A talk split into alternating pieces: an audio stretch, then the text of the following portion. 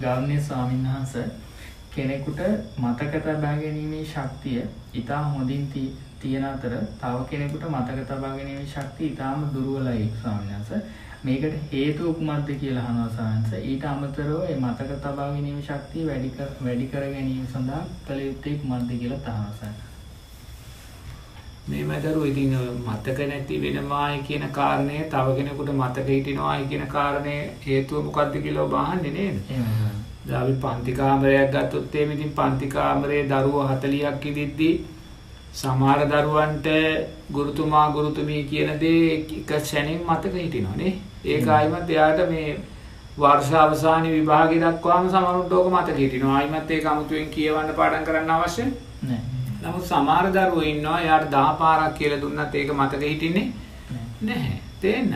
ඉතින් දැන් ඔය මතක හිටීමත් මතක නොහිටීමත් කියන කාරණා දෙක දෙක මාත්‍යෝ මම නම් හිතන්නේ සංස්කාරයනුත් ඒකට අතීත අතීත සංස්කාරයනුත් ඒකට බලපානවා. තේන්න?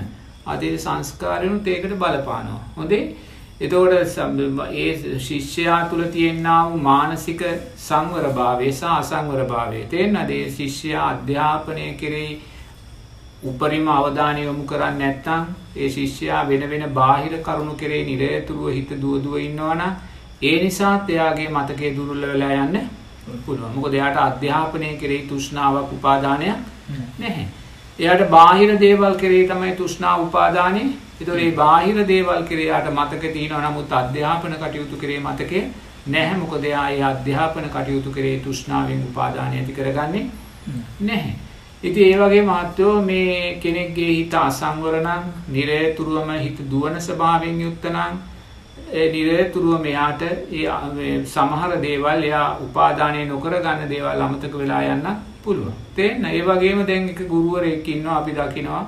ඒ ගුරුවරයා තමන්ගේ දරුවන්ට මහත්වෝ නිරේතුරුවම අවංකභාවයෙන් සද්භාවයෙන් මෛත්‍රියෙන් හැමදේම කියලා දෙනවා. තේන්නද? ඒ ගුරුවරයා තමන්ගේ දරුවාත් මේ පන්ති කාමරේ ඉන්න දරුවා දෙන්නෙක් හැටියට දකින්නේ නැහැ. එයා වැටුප ගැන හිතන්නේ නැහැ. එයා ලැබෙන තමන්ට වරප්‍රසාද ගැන හිතන්නේ නැහැ. එයා දරුවා අනිවාර්යයෙන්ම මාත්‍ය විභාගයේ උදෙසාම සූදානම් කරනවා. දැන් සමහර අය අපි ගම්වල ඉන්නකොට සමහර දරුවෝ ඇවිල්ලා කියනවා අම්මලා ස්වාමීන් වහන්සේ ශිෂ්‍යත්ව පන්තියට අපේ ගුරුතුමා 3 වෙනකම් උගන්වනවා. නැත්නම් ਉਹ සාමාන්‍ය පෙළ උසස් පෙළ අපේ ගුරුතුමා හවස පන්තිවලත් උකඩනවා නමුත් සත පහක්වත් එයා ගන්නෙ. ඒතකොට එයාට තියෙන මාත්‍යවල ළමය ළමයි කෙරේ තියෙනා වූ මෛත්‍රී සිත පමණක්මයි. නේද? අනේ මේ දරුවා අධ්‍යාපනයෙන් ඉදිරියට වේවා යහපත් දරුවෙක් වේවා කියන සිතුවිල්ල එයාට තියෙනවා.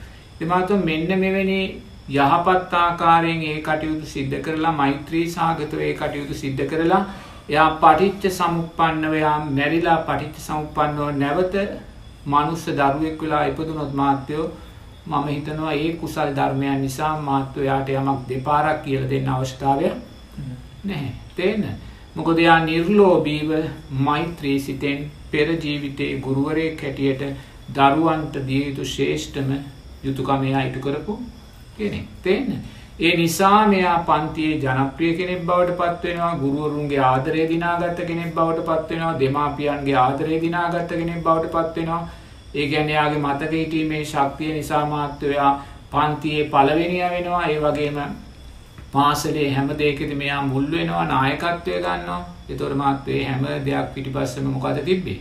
අතීතයේ යා පුහුණු කළා වූ ඒ කුසල් මෛත්‍රියට අදාළේ සුන්දර කුසල් සංස්කාර. තේන්න ඒ නිසා මාත්‍රය ඕනම කෙනෙකුගේ මතක හිටීමේ ශක්තිය වැඩි වෙන්නත් අඩු වෙන්නත් මාත්‍යයෝ මංහිතනවා මුලින්ම බලපානයාගේ පෙර ජීවිතේ එයා ඊට අදාළව කරගත්තා වූ කුසල් ධර්මය තේන්න තව ගුරුවරයකින් නොයා පන්තිකාමරයට එනවා. නමුත් එයා ගන්නේ තර ගුරුවරයා ගන්න වැටුපුමයි තේන්න සමට ඊට වඩා වැඩි වැටුපක් ගන්න නමුත් එයා ඇවිල්ලා පාඩම කියල දුන්න.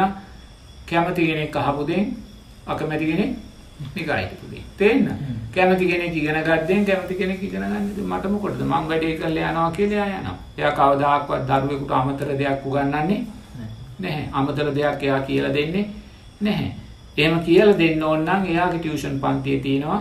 ඇවිල්ලා ඉගෙන ගන්න පුළුවන්. එතකොට කියලා දෙනවා. තේන්න? ඉතින් මාත් ඕවා විපාකෙට එද්දී එයා ඊළඟ ජීවිතේ දරුවෙක් වුණොත් මහත්තයෝ ආයිමත් කියලා දෙන දේ මේ ඔළුවේ ලිව්වත් එයාට මතක හිටින්නේ?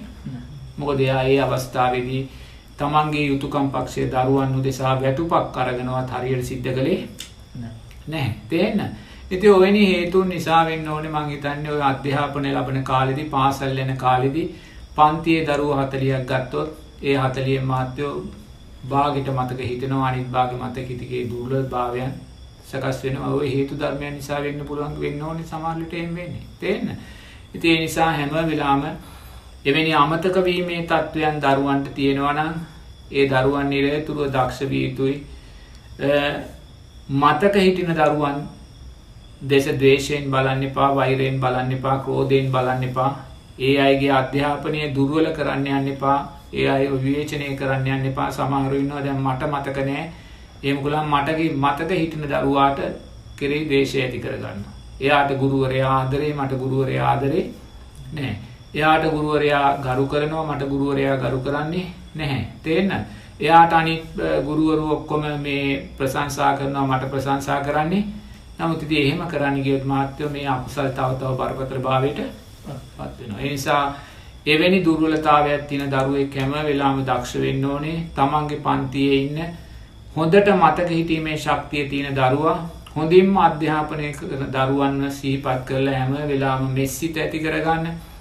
තව කෙනෙක්ගේ දක්ෂභාවය දැකලා තව කෙනෙක්ගේ හැකියාව දැකලා තව කෙනෙක්ගේ මතක හිටීමේ ශක්තිය දැකලා අනේ සුවපත් වේවා කියලා මේ සිත ඇති කරගද්දි මාත්ව නිරතුරුව මෙවැනි අකුසල් තියෙනවා නම් ඒවා යටපත් වෙලා තමා කියන දේ එක මොහොතින්ම තේරුම් ගන්න පුළුවන් ධාරණ ශක්තියක් ඇති කරගත්ත කෙනෙක් බවට පත් වෙනවා. තේන්නේ ඉතින් ඒ වගේම අධ්‍යාපනය ලබන කාලෙදි බාහිර දේවල් කෙරෙහි ඕනෑට වැඩි අවධානය යොමු කරන්නේ නැතුව ඔය රූපවාහිනියේ එහෙම නැත්නම් තාක්ෂණික උපකරණයන් කෙරෙහි ඒ වගේම අනවශ්‍ය යාළු මිත්‍ර හිතවත්කම් කෙරෙහි මියවන්නේ නැතුව තමන්ගේ සිත සමන්ගේ සිතුවිලි හැම වෙලාම තමන්ගේ අධ්‍යාපනය උදෙසා සතිය සිය හොඳින් ශක්තිමත් කරගත්තොත් මහත්තයෝ හුඟක් වෙලාවට ඒ තියෙන දුර්වලතාවයන්ගෙන් අපි මිදෙන්න පුළුවන්. තේන්න අධි නිසා අර තමන් ලබන අධ්‍යාපනය කරේ ඒ පන්තිකාමරයේ විෂය කරේ අපි සතිය සිය දුර්වල කරගත්ත තැනදී අනිවාර්යෙන් අපේ මත හිටීමේ ශක්තිය දුර්වල වෙනවා